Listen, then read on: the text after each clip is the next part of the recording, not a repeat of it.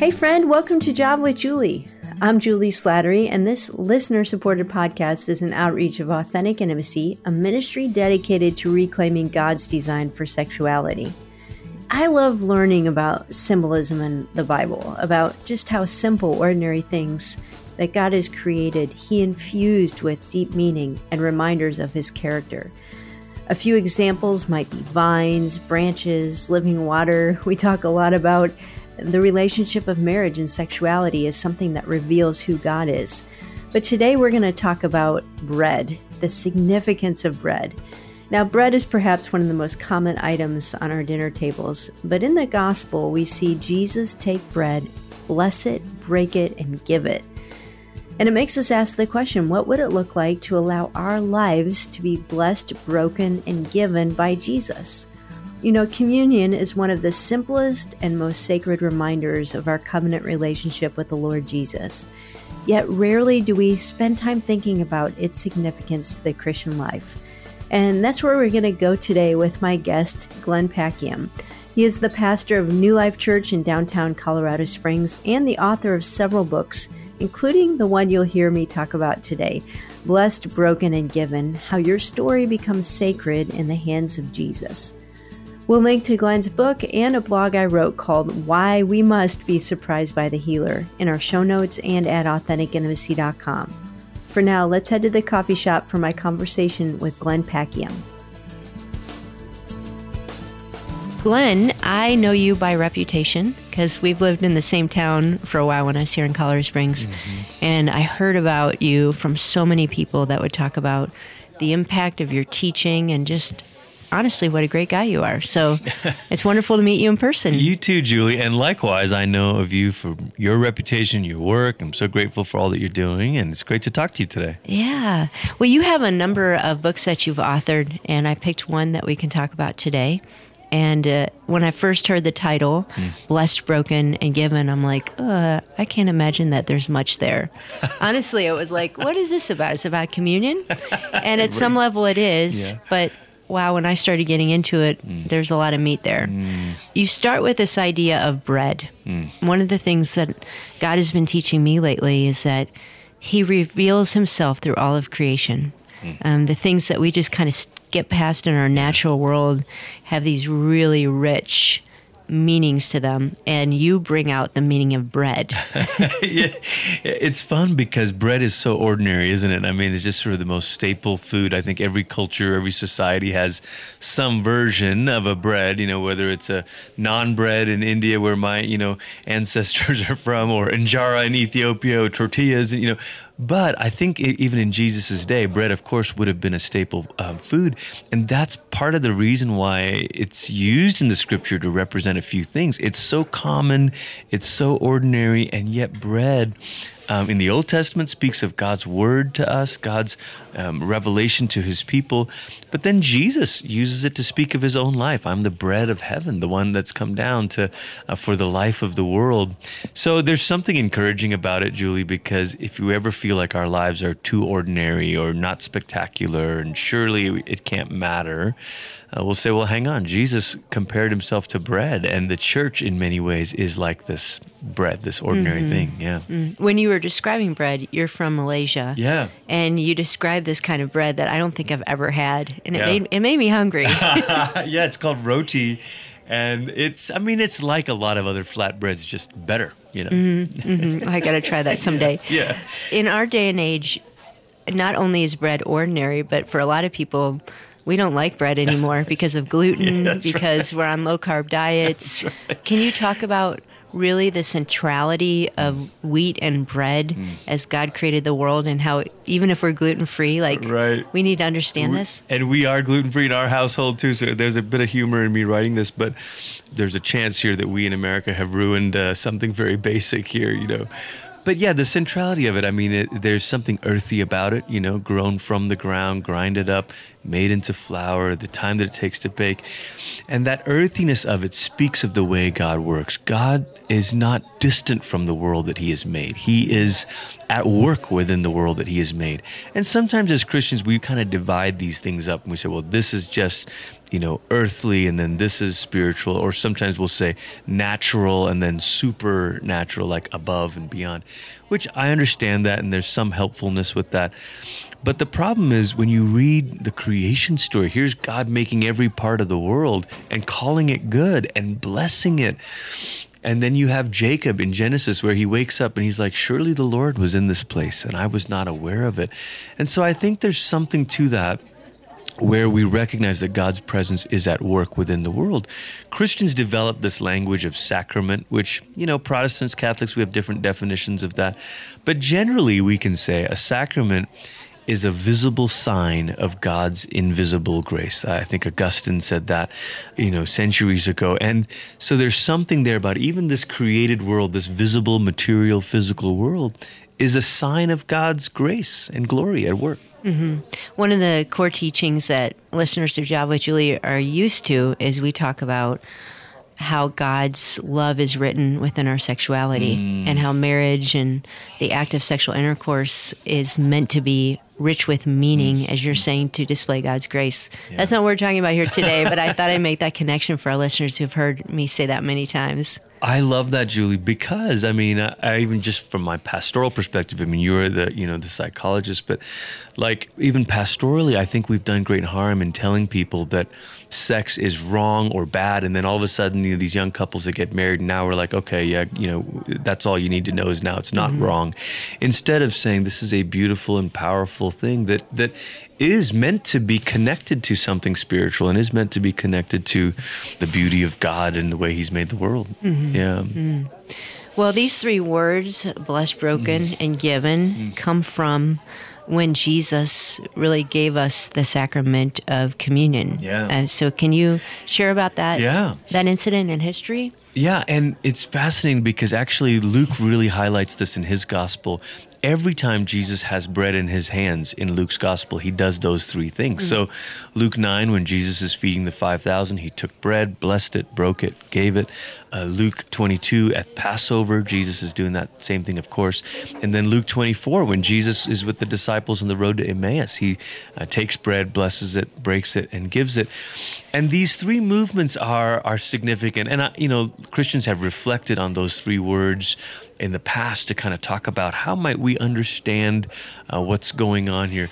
And I think it's significant, Julie, that actually that word blessed comes first. Mm. Again, sometimes maybe because of our Christian background, we think that God's first word over us is a word of judgment mm. or even a word about our sin. Uh, we think the first verse in the Bible is all have sinned and have fallen short of the glory of God, you know. And actually, God's first word over us, over you, over me, over everyone here listening is a word of blessing. It's a word of creational goodness and uh, the way that He designed us. So, even again, that Genesis moment, um, God looked out over everything He had made and He blessed it. He looked at the male and the female and He blessed them. The Old Testament is written in Hebrew, but it was translated to Greek by the time of Jesus, right? And that same word for blessed is used there when Jesus is breaking the bread in the Gospels, and it's used there in the Greek translation of Genesis. So it's that word eulogeo, from which we get our word eulogy, you know? Mm-hmm. So again, we give a eulogy at the end of the story. Mm-hmm. God gave a eulogy, if you will, at the beginning of the story by saying, My first word over you is a word of blessing, a word of goodness. And then that word broken comes into the story. And surely there is a brokenness in the story. And in the book, I kind of outline at least sort of three kinds of brokenness. There is a brokenness that comes from just the fallenness of the world around us. We see it in creation, we see it when there's earthquakes and hurricanes we see it in terms of not just the fallenness of the world, but the failure in our own lives, our failure to love God with all our heart, our failure to love one another, uh, wickedness, evil in the world. Those are failures. And then we see it in our own frailty. And what I mean by that is just our finiteness, you know, our limitations. We're creaturely beings, we have limitations. Those are some of the ways that the brokenness shows up. But because our primary identity is first, we're blessed, we can actually place this brokenness in Jesus' hands and it becomes something else. With the metaphor of bread, roti or you know french bread a baguette that you break open as soon as you break bread it now becomes porous. It can now absorb something right? You think about an italian meal you break the bread now you can absorb up the oil our brokenness in Jesus' hands can become openness to His grace. It can be a way of opening us up to His grace to come rushing in. And then from that, that third word is to be given again, we kind of think, well, I was broken, I am now blessed, and therefore I can be given. I have a purpose. But in the kingdom, it works a little bit differently. We are blessed. That's our uh, primary kind of rooted place that's been restored in Christ. And even in our brokenness, we can put that in His hands. It opens us up to His grace. And now, bread that is broken can be shared. So there's a givenness, there's a life of purpose and blessing that we can mm. now live. Well, you just outlined the book really well. sorry, sorry, that no, was a bit long. that's long. good. It wasn't long at all. It gave us a good overview of some things that we'll dig into a little bit more deeply. When did this metaphor first begin to really connect with you, just even at a pastoral level or a personal level? Yeah, it was probably 11 or 12 years ago we started i started a sunday night service here at new life and then eventually that became our first kind of offsite congregation new life downtown but even when we were doing these services on sunday nights we did weekly communion. And it was i was encouraged to kind of do that to make it a bit of a laboratory space. That was not something that was part of our practice here at new life to have communion weekly. And i realized you know we're saying this every week. We're coming to the table every week. And it was a central practice of our worship but what I began to realize as I read more, as I talked with others, it's not just a practice, it's a paradigm. It's a way of understanding our very life in Christ. And, you know, authors like Henri Nouwen, um, reading some of his work helped me with that. There's an Orthodox theologian, Alexander Schmemann, who wrote a book for the life of the world. So some of those insights really helped me to see this isn't just a worship practice, this is a paradigm, this is a way of seeing our life. And then when we started New Life Downtown, we started using those words, blessed, broken, given, to explain actually the whole life of the church. To say, hey, when we come together on Sundays, we're kind of rehearsing our blessedness. We're reminding ourselves of how blessed we are in Christ. When we gather in community, in groups, there's a vulnerability that happens there. That's where our brokenness is opening us up to one another in trustworthy community, trustworthy vulnerability. And then out of that comes this place where we are given, where we are allowing ourselves to serve the city, the church, the world.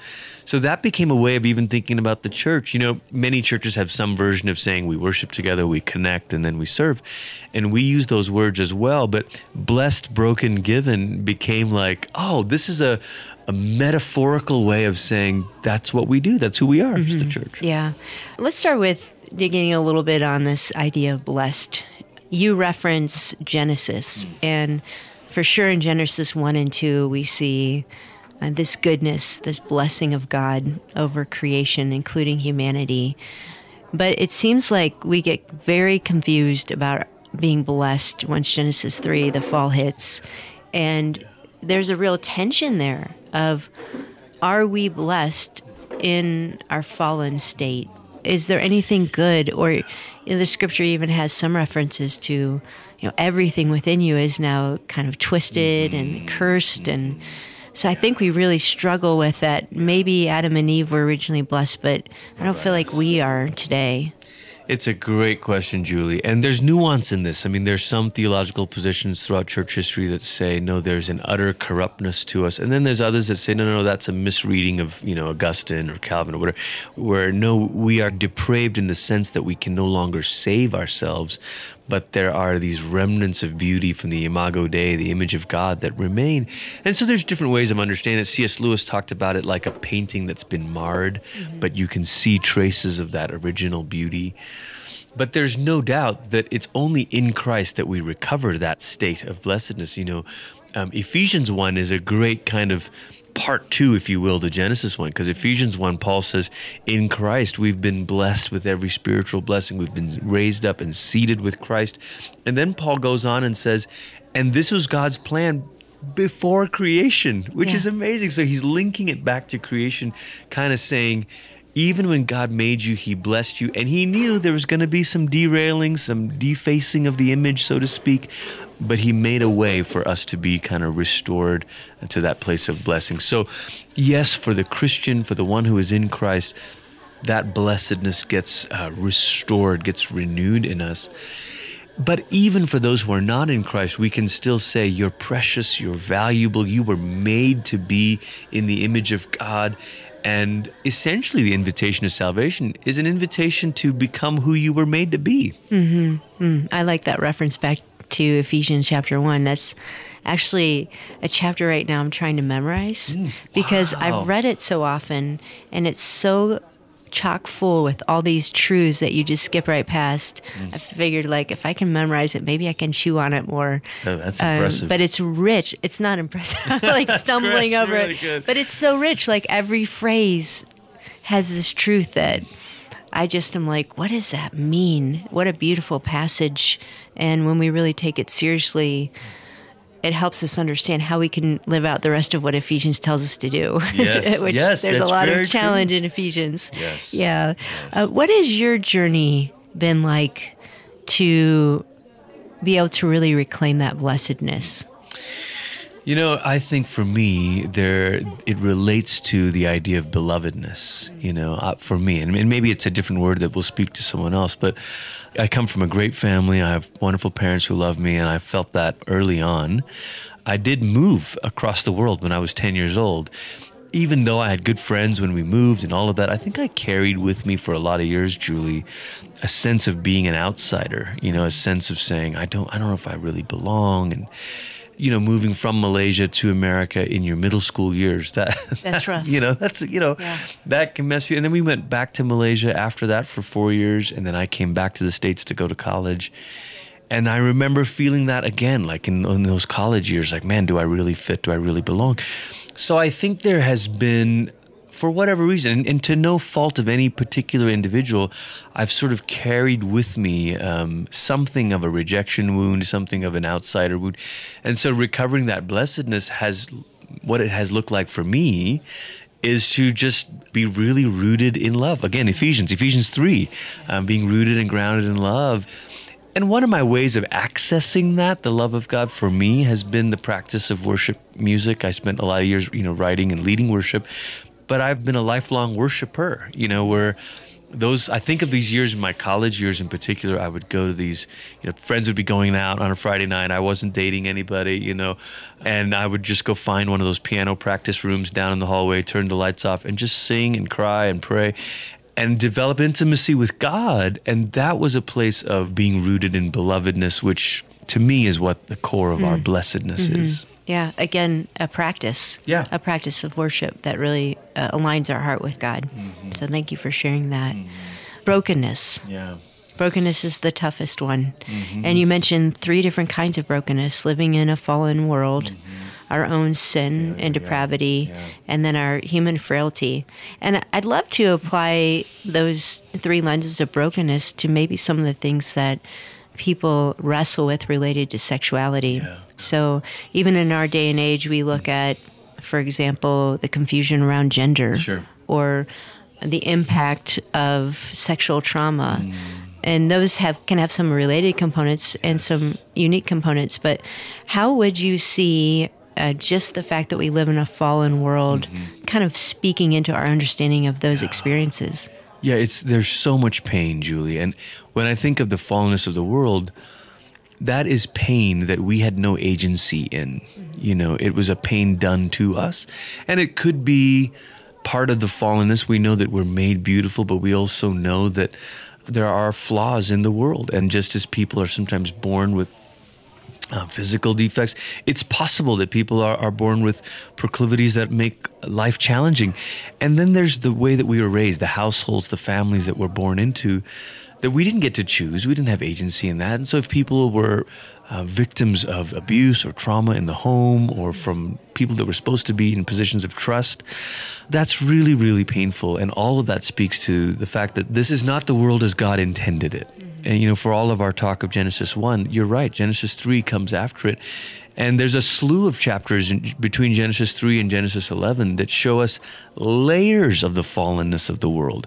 There's a fracture between the God human relationship, there's a fracture between the male female relationship as Adam and Eve, you know, blame each other and hide and all of that. There's a fracture in the relationship between brothers, Cain and Abel, so there's violence in the world there's a fracture between the ground and human beings where there's thorns and then there's floodwaters of the deep there's a fracture between societies so we're living in a, a, world made good that is now fractured and we feel the pain of that. Abuse sexual brokenness even in our own lives is a result of that fracturing. And sometimes it's a fracturing that happens between bodies and it's us kind of splitting the notion between bodies and personhood. That's become a very popular way of thinking about this in our culture where um, our physical bodies can be fractured from our own sort of constructed sense of self and as Christians, we say any fracture in what God has joined together is a result of the fall. Uh, let's not collude with that fracture. Right. Let's not drive the wedge even deeper. Yeah, God is a God of integration, yes. of bringing broken pieces back together. Yeah. Are you familiar with Nancy Pearcey's book, Love Thy Body? I'm, I'm reading yeah. it right now. Yeah. You probably picked up on that. Yeah, yeah. She, that book's a great explanation of exactly what you're saying. Mm-hmm. It's a heavy read, but it's worth it's it. It's very worth it. Yeah, absolutely. Yeah. One thing you write about in your book related to this is the concept of shame. Mm. And when we look at different categories of brokenness, whether it's we live in a fallen world and things happen beyond our agency mm. versus what we choose to do to kind of add to that fracturing, we get really mixed up on the experience of shame being sort of a combination of everything and not knowing how to parse it out. Yes, you know, and so there's one sort of popular narrative in our culture that says all shame is bad and and reject shame. There is a kind of shame that is connected to guilt. And that is what some people have referred to as a kind of healthy shame because it's a dashboard indicator. It's a warning light saying there's been a breach. And in fact, there are a number of even secular sociologists who've said when there's a breach of solidarity, yeah. there's the feeling of shame. So when a friend has betrayed a friend, when a spouse has betrayed another, there is that feeling of shame because there's a break in the circle of trust, break a breach of solidarity. So even at a, a human level, even without being using religious language to describe that, but there is also shame that comes washing over us when we didn't do anything wrong. And that, I think, is the accuser. That's the work of the enemy, adding these layers of accusation of saying, you don't deserve this, you're a mistake, you're a failure. And I think that's where. Uh, we need the voice of truth. We need a, a, voice louder than ours. We need a creator, a redeemer to be able to say, No, this is my beloved daughter. This is my beloved son in whom I'm well pleased. And the good news of the gospel is actually both kinds of shame can be dispelled. Yeah. Even when there's guilt, Romans 8, there's now no condemnation for those who are in Christ Jesus. So whether shame was uh, the result of our guilt or whether shame was a disproportionate kind of something that is a lie of the enemy, it's only God who can silence both of those voices. Glenn, what makes it difficult, though, is that in most of our experiences, they're mixed together. Mm. So, for example, let's say you experience a betrayal in your marriage. That's not your fault. And the enemy may accuse you. You weren't good enough. You weren't beautiful enough. It's your fault. But then often we respond to that with sin. We respond to that with holding on to anger, bitterness, mm. Mm. maybe acting out sexually yeah. in revenge, yeah. uh, gossip, slander. This is where it gets really difficult. Yes. Or having worked with survivors of sexual trauma, which is not their fault, but they can begin to live in patterns of repeating trauma. Now they're beginning to make choices that make that shame even more confusing. Have you found anything that's really helpful in kind of again working through very complicated situations like that? I mean, you're the expert, Julie, and I when I'm working with people pastors are one piece of this. Pastors don't replace counselors or therapists, mm-hmm. and I'm so grateful for amazing Christian counselors and therapists who do this work. But what I've learned as I've walked alongside people is exactly what you've said. They start to experience shame, and then shame sort of creates this spiral that leads to them kind of acting in a way that reinforces the lie. You know, so maybe it begins with the lie of the enemy that says you're you're terrible, you're worthless, whatever, and then they sort of act in a way that confirms that lie, which is a terrible thing. And I think confession is a big part of the path to freedom. Even the confession of saying, uh, yes, this is what I've done, but then also the confession of saying, and this is how I'm hurting right now, and this is my own pain. There is a kind of confession that is owning up to sin, but there's also a kind of confession that is, I need help. And man, in an ideal world, Julie, the church would be a safe, trustworthy community where we could say that I confess I need help. And not just I confess I have done something wrong, but also I confess I need help. And in a healthy community, we might be able to kind of be a tiny mirror of God's love and of God's acceptance and of God's forgiveness to one another. When that's happened well, when I've seen people where that shame has started to break off of them, it's always been because they've been surrounded by a few people who've been those voices of saying, I'm not leaving your side. Mm-hmm. I'm still going to walk with you. I'm still here. You're still, you know, and keep reminding them of how God sees them. Yeah. And I think also a humility that these things can't be completely untwisted. Like when we come in with, you're wrong about this, and sort of a, a legalism without. No, no even being trauma informed of mm-hmm. you know how these issues are so much more complicated than just a choice to stop doing it sometimes. We, we need you to train to help keep helping pastors to be trauma informed because you're right. And sadly again pastors have done so much damage by trying to act like they're experts in this stuff and they're not experts in this stuff. And it takes more than prayer and bible reading. It takes understanding the human psychology. And I, I do think you know there's a reason why as christians we it, the last line of the Nicene Creed says, We look for the resurrection of the dead and the life of the world to come. Creation itself, Romans 8, is groaning, you know? And yes, uh, we pray that God will bring us freedom here and healing here, but we know even the best healing here is nothing compared to the glory that's coming. You know, there's a beauty and a glory and a freedom that's coming, and we all long for that. We all wait for that. Mm. And that kind of lends to that third aspect of brokenness, yeah. which is our frailty. Yeah. And just we can be completely surrendered. Yeah. God can do deep healing work, but there's an element to which there's only so far we can get. Yeah. Yeah. Yeah. And I mean, let's switch the type of healing and think of physical healing for the moment. You know, people are, Lazarus was raised from the dead only to die again, you know, and there's a finiteness to this life, this side of the new creation, this side of the resurrection. And so, you know, I come from a charismatic tradition where sometimes it can sound overly triumphalistic and overly like everybody, you should have no struggle with sin and you should have no more trauma triggers and you should yeah. have no more anxiety.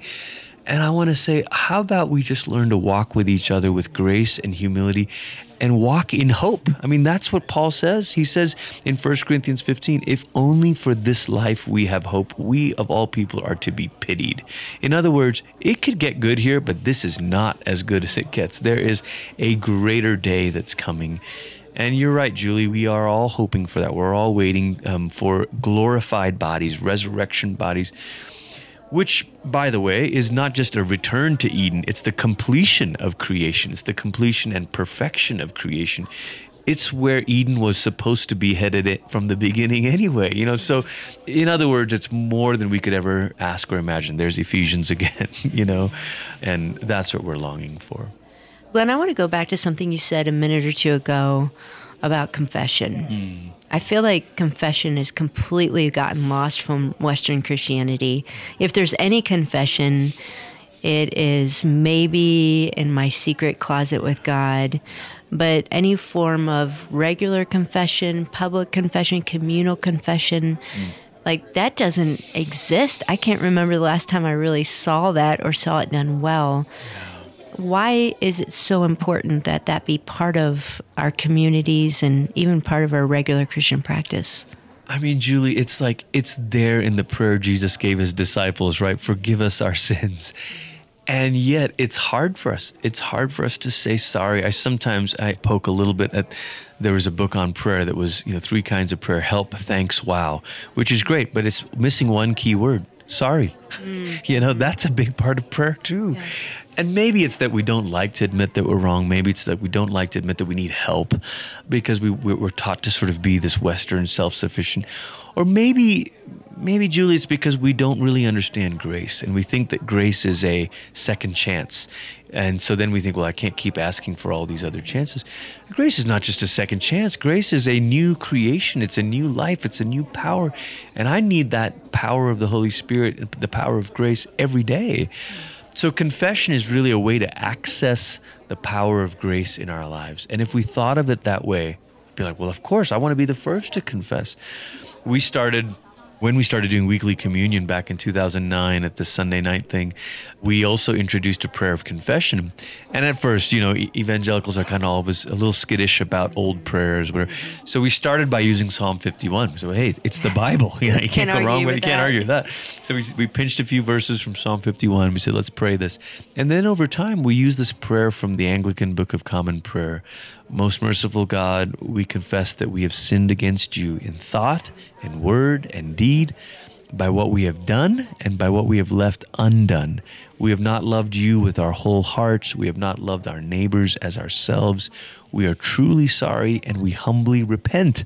I mean, think of all the ground you've covered. Yeah. And then now, for the sake of your Son, Jesus Christ, have mercy on us. Forgive us uh, that we may delight in your will and walk in your ways to the glory of your name. You know, so there's a beautiful turn. So we pray that prayer all together, and then I would have people turn to one another and say, Jesus has forgiven your sins, or your sins are forgiven in Jesus' name. And Julie, you can't imagine the tears between like husbands and wives, parents and kids, roommates, friends, looking at one another and saying, Your sins are forgiven in Jesus' name. The power of that. And we've been doing that as a weekly practice um, so, and I, look, it can look different ways. I'm giving some examples here, but I think when we get in this regular rhythm of confession, we don't store it up for the biggies. You know, right. oh, I, I, I, listen. Every day we're joining in the great company of God's people and saying, "We still need your grace. We still need your power." I love what you said that confession isn't a one and done. It's yeah. continual. Yeah. I think about the person who struggles with pornography and they feel like I can't really confess again because I might fall. Right. I might fall tonight. I might right. fall tomorrow. Right.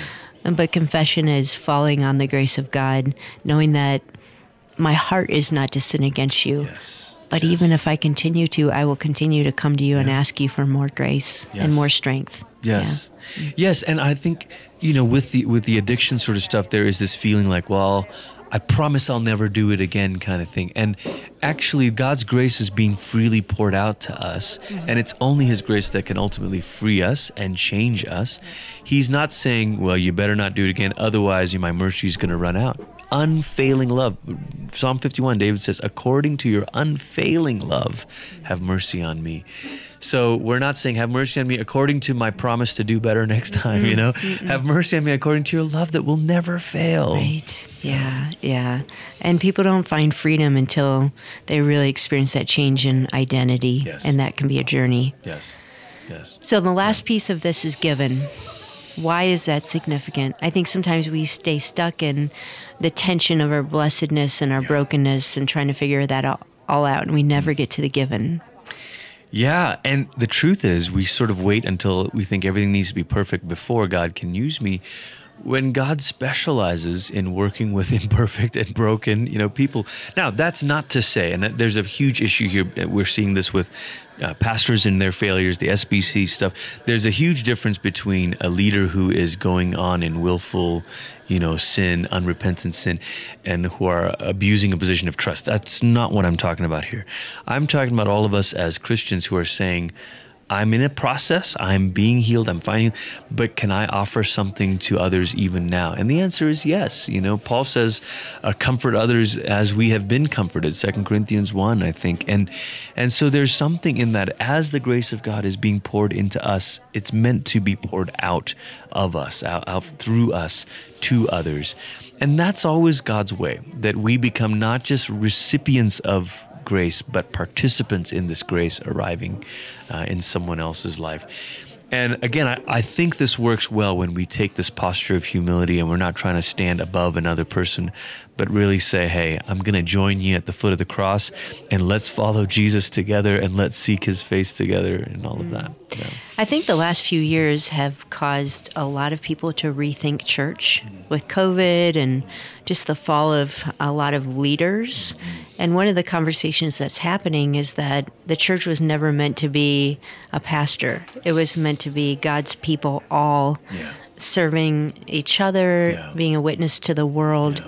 Yeah. As you're even as a pastor rethinking some of this, what does it look like to empower the average person who's broken, who's messy, to be the ones who are ministering to one another and to the world? Yeah, I, I, mean, you said it. That's what we're supposed to do. Ephesians 4, we're supposed to equip the saints for the work of the ministry. So I do believe in these offices, you know, these, yeah, these, sure. these specific roles and functions, but those are not meant to place yourself at the top of a hierarchy. That's the opposite of what Jesus did. Uh, they're meant to be this inverted pyramid thing where we are e- washing the feet of others and we are equipping others so that they can go and do likewise and they can serve others and they can flourish and I think the danger in church, and, and you can see this in sometimes in any size church, is that it revolves around the gifts of a few instead of becoming a community that's shaped by the gifts of the many, you know? And so, uh, even a notion like blessed, broken, given, that, again, that bread is such a powerful image to me because this is not like filet mignon. This is not like, now, if you're special, you get to be used by God. This is bread. It's as common as anything in the world. And that's what Jesus is trying to say. Like, look, all of you, you're, you're just bread, but in my hands, you become more than that. The Christian life can be really complicated, but what I love about what Glenn shared is that it also can be simplified. There is a beauty in the simplicity of bread and in those three things that Jesus did over and over again in the physical world and now wants to do with his people. I hope you'll pick up a copy of Blessed, Broken, and Given. You can find a link to that in our show notes and at AuthenticIntimacy.com, and we'll also link to the blog I mentioned, Why We Must Be Surprised by the Healer. Thanks for listening, and I look forward to having coffee with you next time on Java with Julie.